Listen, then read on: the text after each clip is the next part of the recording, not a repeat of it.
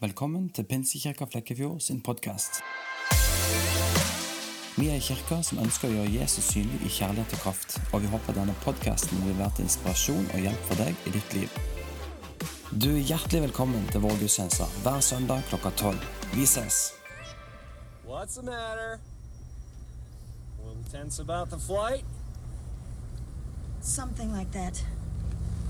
There's really nothing to worry about, Mary. Statistically, they say you're more likely to get killed on the way to the airport. Uh, you know, like in a head on crash or flying off a cliff or getting trapped under a gas truck. That's the worst.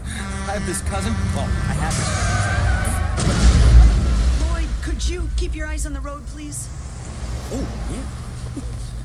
Good thinking. Can't be too careful. A lot of bad drivers out there. Ok, Er det noen her som kjører bil og tekster samtidig? Opp med hånd.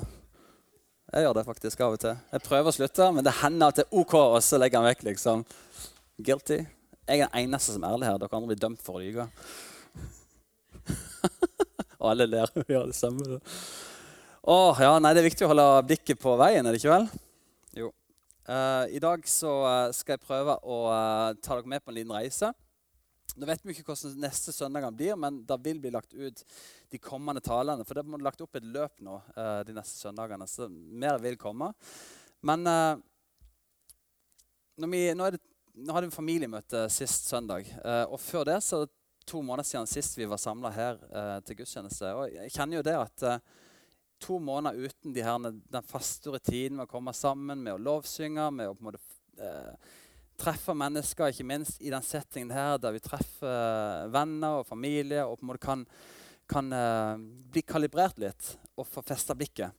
Eh, det gjør noe med en. Det er godt. Og, og en må kanskje òg lene seg litt på det. At en blir litt sånn En trenger det for å faktisk holde den kursen en ønsker i livet. Det er en måte, viktig holdepunkt i, uh, i hverdagslivet for at, uh, for at måte, livet og, og hjertet mitt har den retningen en ønsker. Så merker du at to måneder uten det gjør at, en, kan nok fort uh, havne litt uh, En kan nok miste litt fokus. En har lett for å bli litt dippa av, en har lett for å bli opphengt i ting som, som uh, skjer rundt en. En har lett for å bli overvelda av informasjon og kanskje feil informasjon. og alle de her tingene. Det er, er mye som, som påvirker oss. Og, og, når vi da ikke kommer sammen for å bli kalibrert, og på en måte, ja, men hva er det vi egentlig holder på med, så er det lett at en mister blikket litt. At en mister fokuset. Så jeg kjente det når vi skulle starte opp, at bare, eh, jeg trenger det selv. Jeg trenger å tale til meg sjøl og på en måte få litt sånn festa blikket. Hva, hva, er det vi egentlig holder på med? Uh, og på en måte, hva skal vi gjøre med alle de her stemmene som på en måte påvirker oss hele tida i, uh, i hverdagslivet? Er noen som kjenner seg igjen i det? At en kan lett miste litt fokus på hva som egentlig er viktig her i livet? Ja, det er godt. Det er ikke bare meg. Uh, og, det, og, det, er jo litt sånn at når en blir distrahert, når en mister blikket på det en egentlig holder på med, når en kommer litt ut av rytmen, litt ut av de rutinene en egentlig har, så har en lett for å bli kjenner jeg for min egen del, en lett for å bli motløs. Uh, en kan bli litt forvirra. En kan fysisk bli sliten trøtt. Og så uh, kan en bli litt sånn uh, likegyldig, litt sånn nummen på en måte. Og så uh, Og hvis det varer over for lang tid, så, så er utfordringen, jeg merker det for mitt eget liv, så er utfordringen den at, at da er du litt sånn off guard. Garden er litt nede, og det blir et ganske enkelt bytte for fienden som kommer inn med løgn og, og motløshet og, og distrahere oss fra det vi faktisk egentlig er kalt det, sånn rent personlig, mitt forhold til Jesus, men òg som et fellesskap. Jeg har lyst til at vi skal lese et, eh, et vers sammen før vi fortsetter. Og Der står det det er fra Hebreerbrevene 12, vers 1 og litt av vers 2. så står det Siden det er så mange mennesker som har gått foran og vist oss hvordan man kan leve i tro, så skal også vi gå til Gud med det som, har, det som bekymrer oss og stå imot synden som så lett kan få taket på oss. La oss være utholdende og fortsette kampen som ligger foran oss, mens vi fokuserer på Jesus.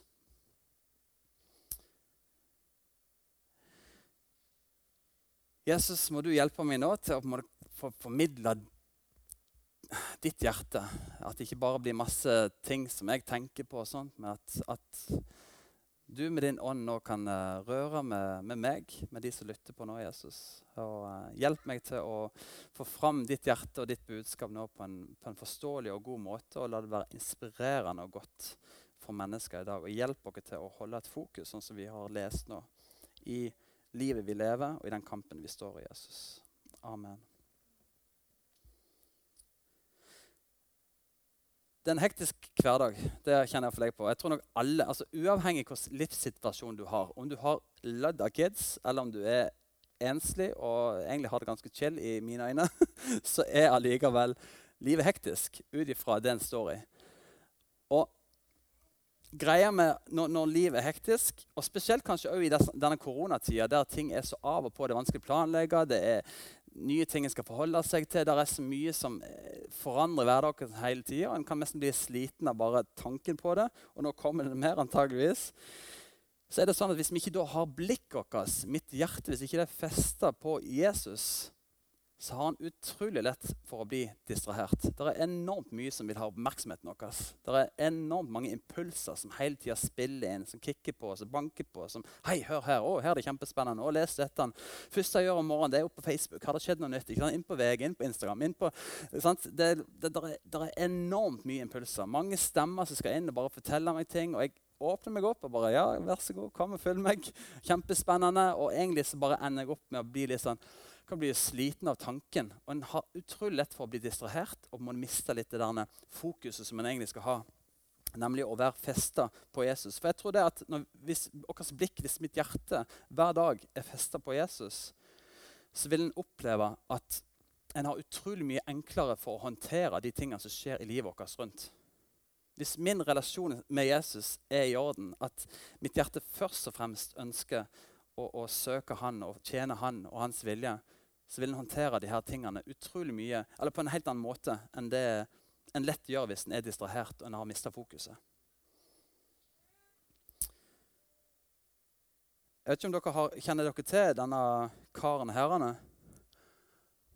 De som er over 25, de vet hvem han er. Michael Jordan. Noen som kjenner til han og har hørt om han iallfall? Ja, ja da. Ikke helt uh, fossil herrene.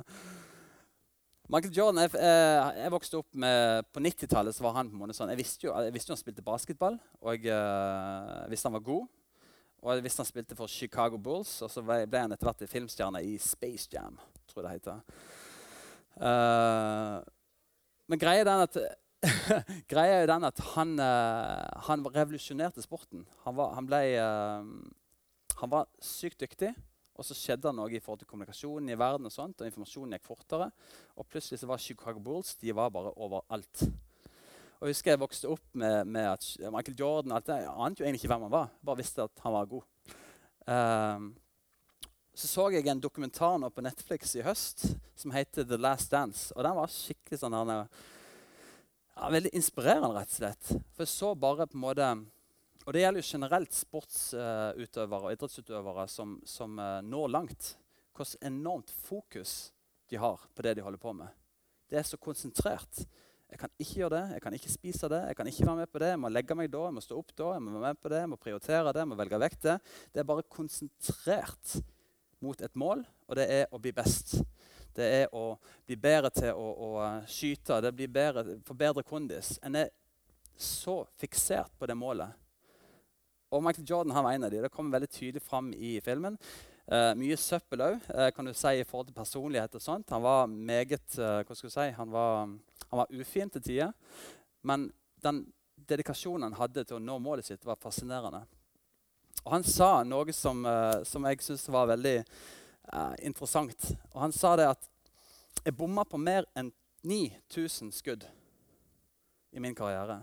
Og jeg tapte nesten 300 kamper. Og 26 ganger så fikk han ballen og tilliten til å ta det siste skuddet for å vinne kampen. Han bomma.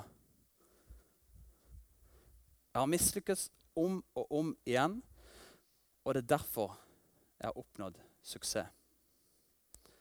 Og jeg tenker det, for Nå står jeg og snakker om ja, vi må holde fokus, og, og sånt, men ja, selvfølgelig så mister jeg fokus av og til. Selvfølgelig så bommer jeg. Selvfølgelig så, så detter jeg litt av. Så kommer jeg litt ut av rytmen. Selvfølgelig så feiler jeg. Men det som gjør om, om vi virkelig holder fokuset og på en måte når de målene som vi har satt, og på en måte når kanskje det målet som Jesus har kalt dere til å nå, er om jeg tar det neste skuddet, om jeg prøver på nytt igjen, om jeg reiser meg opp igjen, om jeg flytter fokuset tilbake, at jeg kalibrerer meg. Det er jo fantastisk at den dagen jeg måtte falle ned og, og, og gjør noe dumt eller, eller bomme på målet på en eller annen måte i livet mitt, uansett hva det måtte være for noe, og det gjelder deg òg, så er det nåde, der er tilgivelse, der er forsoning. Der er, der er en sånn der, Jesus ønsker bare å ha deg tilbake igjen. Uavhengig av hva som har skjedd. Så spørsmålet er på en måte ikke på en måte hvor mye du har gjort feil, men spørsmålet er jo egentlig på en måte reiser du deg opp igjen. Skifter du fokuset tilbake igjen? Kommer du tilbake igjen? Eh, og det er det som vil på en måte være med å, å utgjøre om vi faktisk oppnår eh, det målet vi har satt. Når jeg var 16 år, så hadde jeg eh, jo, jeg følte jeg kjøpte verdens kuleste moped. Det var en Suzuki TS 50 kubikker. Den hadde forresten et trimsett som pappa sa jeg ikke fikk lov å bruke. Men jeg skrudde det på, og det varte ei uke, for jeg glemte å fylle på olje. og så skar det seg. Men det var ei veldig gøy uke, da. men, uh, men, jeg kjørte stort sett lovlig rundt. Uh, så var det sånn at det var en sommer jeg kjørte. Jeg kom ned opp på Søyland, uh, rundt skolen, på sletta mot byen. Aner fred og ingen fare. Sitter der og kjører. Du ser det jo sånn når du kjører til TS. Og så plutselig kjenner jeg bare zoom, kom det en veps inn i shortsen.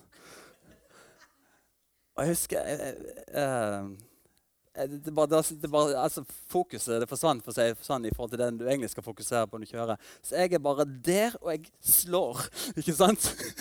og dunker med knyttneven. Bare helt febrilsk, livredd. En, altså, det er ingen her som er glad i veps. Og, og klart, å få den inn hjem derene, det, det, det vil du bare ikke. Så jeg husker, jeg, det, det, har ikke vart lenge, men jeg fikk helt panikk. Kikke ned og slå, som sagt. Og så er det bare opp igjen, og så ser jeg at jeg er jo i feil kjørefil, kjørefil på vei ut i grøfta. liksom. Jeg har på en måte mista fokuset totalt på veien. Så er det bare å rette den opp igjen, og så er det inn i, uh, inn i skolegården der bussene og bilene kjører inn. Og så kjenner jeg bare det gjør så sykt vondt. Men jeg vet ikke om det er fordi jeg har slått, eller om, om, jeg har blitt stukket. Så bretter ned shortsen, ser jeg bare sykt stort rødt merke, og en veps ligger der. ikke sant? Så jeg slo han, og han stakk meg. Eller omvendt. Uh, men det ble en sånn der, jeg sa det forberedt, men så ble en sånn lærepenge på bare kjære tid. altså. Ok, ja, Det er lett å miste fokuset. Det er lett å dette litt av. Det er lett å måte, komme ut av det. Men, men, tenk om det var en bil som kom imot det. Tenk om jeg bare hadde fortsatt å kikke der. Begynt, altså, det var jo godt jeg kikka opp, at jeg retta blikket mitt igjen og fant på en måte målet. ikke sant? Og, og, og fikk kalibrert meg litt igjen. Uh, så jeg er jo sånn takknemlig for at det ikke var noen bil som kom imot det. Det hadde blitt stygt. Det hadde blitt litt mer alvorlig enn et lite vepsestikk. Uh, I uh, den første teksten som jeg leste, så leser vi fra hebreerbrevet. Og i hebreerbrevet, Vi vet faktisk ikke helt hvem som har skrevet det brevet. Vi vet at han skrev det til en gjeng hebreere. Han prøver å lære dem en ting og oppmuntre dem til å leve et liv i etterfølgelse av Jesus. Men før kapittel 12, som jeg leste nå, så ramser han opp ei lefse med masse troshelter fra Gamle Testamentet. Om Abraham og om Moses. Han, det, han bare minner hebreerne på om at det har vært mennesker som har gått foran noe, og de har pga. tro klart å oppnå det de ble satt til å gjøre. Gud kalte dem, de var fulle av feil og mangler. Eh, Gud leda dem, de snubla, men de oppnådde det de var satt til å gjøre pga. deres tro. Gud så ikke til deres talenter, han så ikke til deres ferdigheter, men han så til deres hjerte. De var villige, de gikk, og de holdt fokus, de holdt ut, og de oppnådde det som Gud hadde kalt dem til pga. at de holdt fokus, pga. deres tro. Og en av de eh, mennene som jeg har lyst til å på måte fokusere litt på, som ikke blir ramsa opp i, uh, i, uh, i, det kapitlet, kapittel 11, det er en som heter Nehemja. Nehemja er ei fascinerende bok. Der er ikke mange kapitler, og der er spesielt kapittel 1, 2, kapittel 4, 5 og 6, tror jeg det er utrolig interessante. Og Hvis du bare har lyst til å ha litt sånn input på lederskap, på det å oppnå et mål, det å bli litt inspirert i forhold til det å bestemme seg for noe og oppnå det, så anbefaler jeg til å lese og studere Nehemja. Utrolig fascinerende. Og lettlest. Men Nehemja han gikk på en måte gjennom tre litt sånn eh, Du kunne sikkert ha delt opp i mange stadier, men jeg gikk gjennom tre stadier som jeg har lyst å, å påpeke, som jeg på en måte føler appellerer til mitt og til PK sitt uh, liv og hjerte. Og Det første var at han var en mann som var en munnskjenk i Perserriket.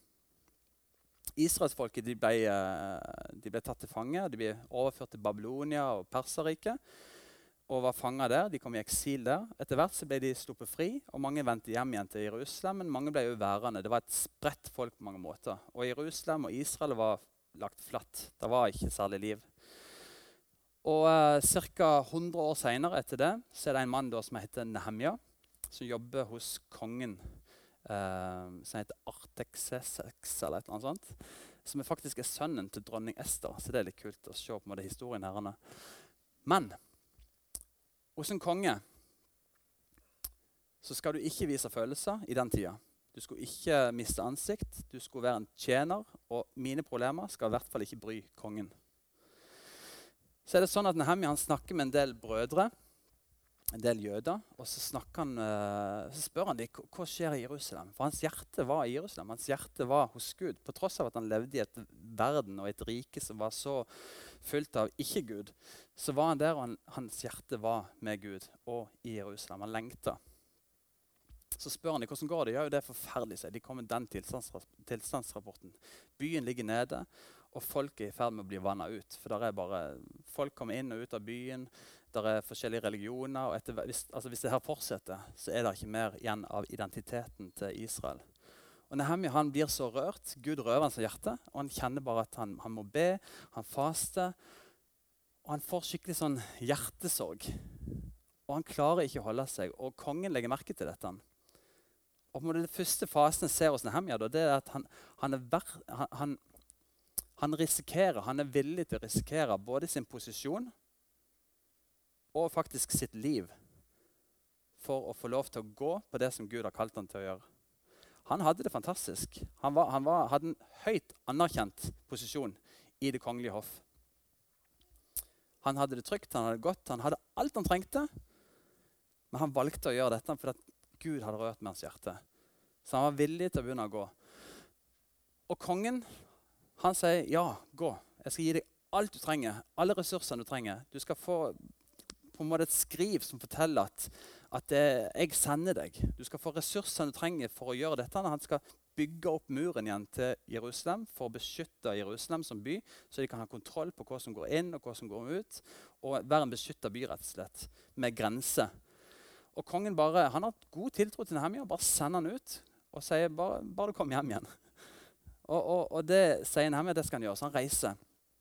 Og jeg tenker det at Hvis du er i en posisjon i livet ditt der du enten kanskje aldri har hørt om Jesus, eller kanskje du har ja, jeg har hørt om Jesus, eller kanskje du tror på Jesus, gjort det alltid, men du på en måte, ja, det tar det ikke så seriøst. Eller du på en måte har fulgt Jesus i mange mange år, og du er der nå, uavhengig hvor du er i det jeg nevnte nå, kjenner at å, der er, der er et eller annet i mitt liv. Jeg, jeg kjenner Gud banke på mitt hjerte. Der er noe han vil. Der er, der er, der er noe mer. Så er det Kan du trekke en parallell mellom Nehemja og, uh, og, og, det hjertet der at um, at det vil, det vil, være en risiko. Det vil være noe du, det vil være noe du må ofre hvis du vil følge Jesus. Når Jesus sier 'kom', så så du disiplene de var villige til å gi slipp på sitt yrke. Og de fulgte ham blindt. Eh, når, Jesus, nei, når, ja, når Gud kalte Nehemja, når Gud kalte de andre menneskene vi ser i Bibelen, både menn og kvinner, så ga de slipp på komforten sin, de ga slipp på den menneskelige sikkerheten sin.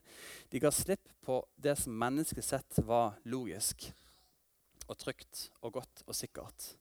Og de var villige til å følge Gud. Og Gud var med dem. Han var trofast. Han ga dem det de trengte. Så uavhengig på hvor en er i livet, om du kjenner bare åh, Gud, jeg lengtet noe mer, eller åh, jeg lengtet å ha en relasjon med deg, så må du være klar over det at ja, det vil kanskje ha en liten risiko. Det betyr at du må velge vekk noe og velge noe annet. Det betyr at du kanskje ikke vil få den mest uh, heseblesende og voldsomme karrieren. Eller kanskje du faktisk sier at du bare blir satt inn til å bare ha en skikkelig posisjon der du skal tjene Gud i næring der det er altså, Jeg vet ikke. Men det betyr i hvert fall at når du følger Jesus, så har det en risiko. Det vil, det vil, det vil bringe med en del konsekvenser. Men det fantastiske er at hvis Gud kaller deg vekk fra noe og inn i noe annet, så er det du eventuelt må ofre, eller konsekvensene rundt det, er så utrolig små i forhold til den lønna du vil få når du sier ja. Og det ser vi igjen. Hvis du leser mennesker som har gjort det, både gjennom kirkehistorie og ikke minst i Bibelen så ser du mennesker som valgte å følge Guds stemme. De ga kanskje slipp på noe som var trygt menneskelig sett. Men lønna var så enormt mye større når de sa ja, jeg vil følge deg. Nehemja begynte å bygge på muren. Han fikk med seg uh, hele folket i Jerusalem. De bare tente 100% Yes, dette vil vi være med på. Dette, dette er godt. Og han planlegger, han inspiserer, og han, han gjør research. Han, må, han gjør en grundig jobb, står det. Og så begynner de å bygge. Og så er det sånn, Når du da begynner å bygge, når du da begynner å ta et valg, kanskje en kursretning i livet ditt Når du da begynner å, å, å vandre, når du begynner å bygge på denne muren, som det her vi gjorde, så kom det noen menn som heter Tobias, eller Tobia, Samballat og Geheshem, hvis jeg ikke tar feil. Tre veldig anerkjente, høyt akta menn. De hadde høy status, politisk innflytelse. Og de kommer bare og gjør de til latter. Pss, hva er det du tror du holder på med for noe? Hvem er det du tror du er? er det noen som har fått den stemmen før? Når du har valgt å på en måte Kanskje du har begynt på noe som er litt skremmende, et prosjekt. ikke sant? Du kjenner bare Jeg vet ikke hva det måtte være for noe. Men for min del, da når jeg begynte som pastor nå i høst, så, så, måte, så var det fint og flott, alt mulig. Og så kom høsten, så kom vinteren, og så kommer stemmen. Hvem er det du tror du er? Jeg tror du skal få til noe her, liksom. Og det kan være mine egne tanker. Det kan uh, være ting utenfra, at en sammenligner seg. Eller det kan òg være bare fienden, djevelen, som kommer bare og måte prøver å så litt tvil. Det er svært sjelden det bare kommer som en skikkelig sånn andre, Men det bare sniker seg inn en liten tanke. Men hva du tror du er for noe? Skal du liksom fikse dette? Skal du bygge denne muren, du? Du? Og disse folkene her? Ingen har gjort det, har klart å gjort det på 100 år. Så skal liksom du gjøre det nå i noen, løpet av noen dager. For 15 år siden, så, eh, så ja, Kanskje mer enn det òg. Jeg går mot en avslutning nå. For ja, 15-16-17 år siden så ble det planta en, en, drøm og en, en nød i noen menneskers hjerte i denne menigheten på litt sånn samme måte som, uh, som det var hos Nehemja. Det var et hjerte som bare åh, her må vi gjøre noe. Og vi så uh, spesielt mange barn, ja, jo, faktisk barn og unge, som drev gatelangs på byen. På torget på nettene. Natt til lørdag, natt til søndag. Og det var, det var rett og slett et trist syn, for det var ikke noe å finne på. Og det ble bare til at de på en måte Ja, det var, det var debuterte tidlig med alkohol, debuterte tidlig med, med andre rusmidler. En så på en måte at ok, det er mange her som kommer til å få det vanskelig hvis de fortsetter denne kursen. herrene. Og så uh, var det noen som bare Neimen, du, vi kjøper en buss. Og så kaller vi den for Englevakten. Og så bare planter vi den på torget, og så skal det være i varmestua. Det skal være en plass de kan bare komme inn, kose seg. Vi skal ikke være noe sånn Å, du må bli frelst. Vi skal være der med kaffe, kanskje noen vafler eller kjeks. Vi skal gjøre det trivelig og godt. Og hvis jeg ikke husker feil, så bare folk i menigheten bare Ja, dritkult. Det må vi gjøre. Det bare rørte meg i nerver. Og det er, ja, fem, det er 15 år siden, tror jeg. Er det ikke det, Vidar? Noe sånt. Det er lenge siden. Og jeg husker jeg var med på den bussen. Det var mange team. Det var folk fra alle kirker rundt i byen som var med på forskjellige team. Jeg tror det var sju- ja, Seks-sju team med masse folk som var med og, og var natteravner på denne bussen. da. Og eh, jeg husker du satt i bussen eller du kom gående med vesten og sånt. Og klart, du fikk jo noen tanker av til noen, fys, eller på noen ord òg fra folk. bare, «Ah, 'Kom englene! Pff, hva de tror de er for noe? Skal de frelse dere?' Ikke sant? Det ble gjort narr av. Men klart, det preller jo av etter hvert. Du bryr deg ikke etter hvert. Men, men det, det var ikke alltid så høy i hatten. Det var ikke alltid kjempegøy. Men samtidig så kjente du bare at ah, vi betyr en forskjell. Vi er her for mennesker. Og det var mange mange ungdommer som, som opplevde det som en, uh, en frisone.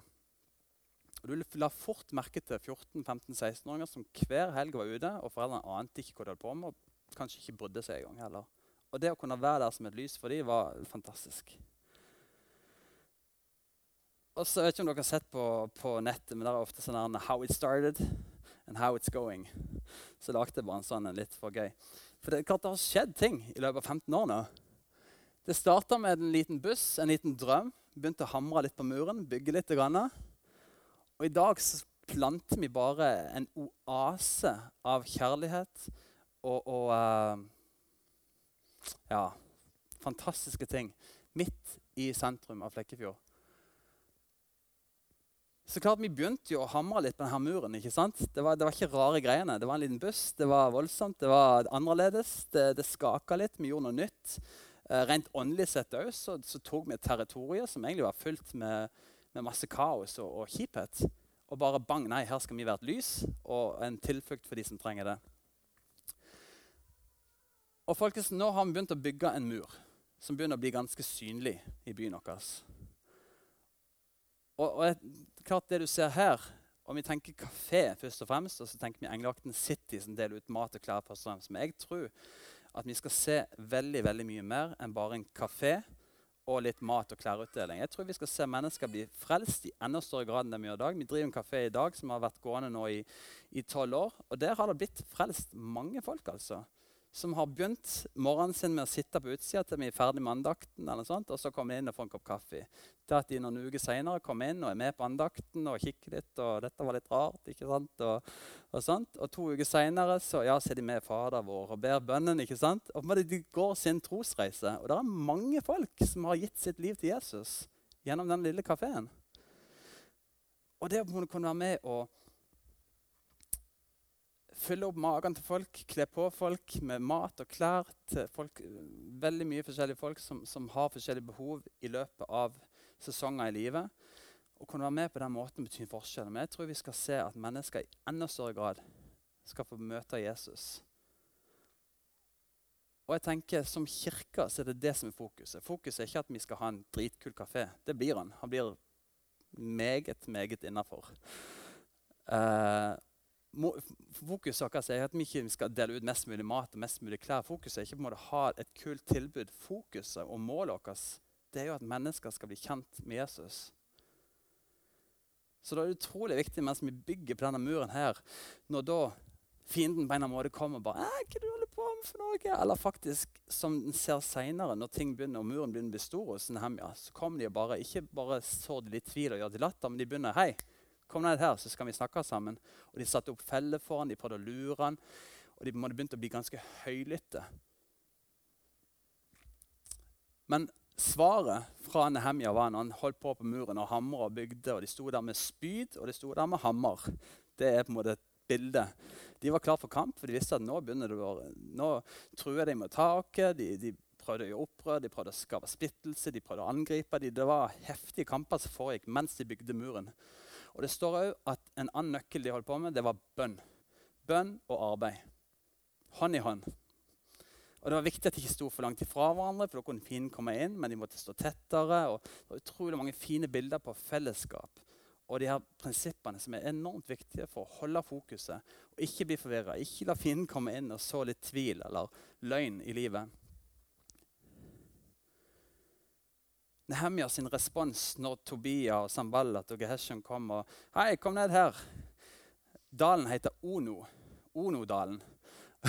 jeg hørte en tale en gang. Jeg sa at uh, På engelsk blir det Oh no da, uh, Valley. Og bare, oh no, oh no. Altså, det ligger jo i ordet. hallo, du går ikke ned der. Oh no. uh, men, men de prøvde å få ned det. Han ropte nei, folkens, jeg gjør et stort arbeid. Jeg har ikke tid. Det var hans fokus. Og jeg tenker Det er mitt fokus for mitt private liv. Uansett hvilke områder jeg kjenner på både at en blir frista, eller må finne, prøve å dra vekk mitt fokus. At nei, men nå, nå, er dette så viktig, nå må jeg legge vekk dette her, det er ikke fullt så viktig lenger. Eller, eller andre ting. Eller som kirke så er det så utrolig viktig at vi holder fokus uansett hva som måtte prøve å komme seg inn og stjele fokus. Feste blikket på Jesus mens vi kjemper den kampen som ligger foran oss. Og være utholdende. Og selv om ting skulle gå litt feil, om det skulle bli litt gale av og til, om en skulle kjenne at ah, nå, nå, er jeg litt sliten, så må en bare rette opp blikket. Ikke være så fokusert på den vepsen i shortsen. Og feste blikket på det som faktisk er viktig og minne hverandre på hva vi holder på med, og hvorfor vi holder på med det vi gjør. Og Derfor er det jo litt sårt når, når vi må stenge av, når vi ikke kan samles på den måten som vi pleier. For du har på en måte ikke lenger fellesskapet, en kommer litt ut av rytmen på ting. Og Det er tre ting som er kjempeviktige, uavhengig av hva som skjer framover nå. Og det er bønnen og Bibelen. Bønn og ordet. Det er det som er med å for, forandre oss. Så kan du si det. Ja, men jeg, jeg hører mest aldri Guds stemme. Nei, men så begynn å lese Guds stemme. Du har Guds stemme i hele Bibelen. herrene.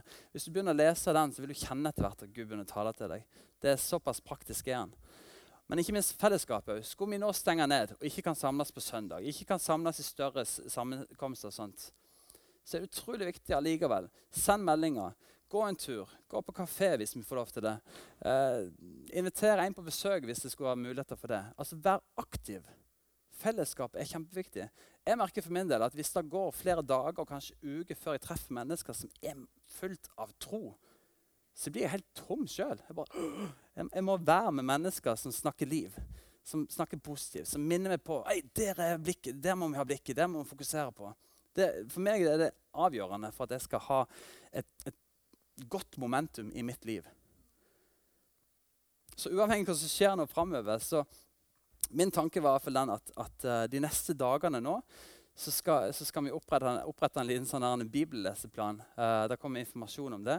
Der det bare blir ett lite vers ut ifra det her som har med Nehemja å gjøre, i forhold til å holde blikket og fokuset festa. Uh, det blir kanskje en kort liten andakt på ett minutt.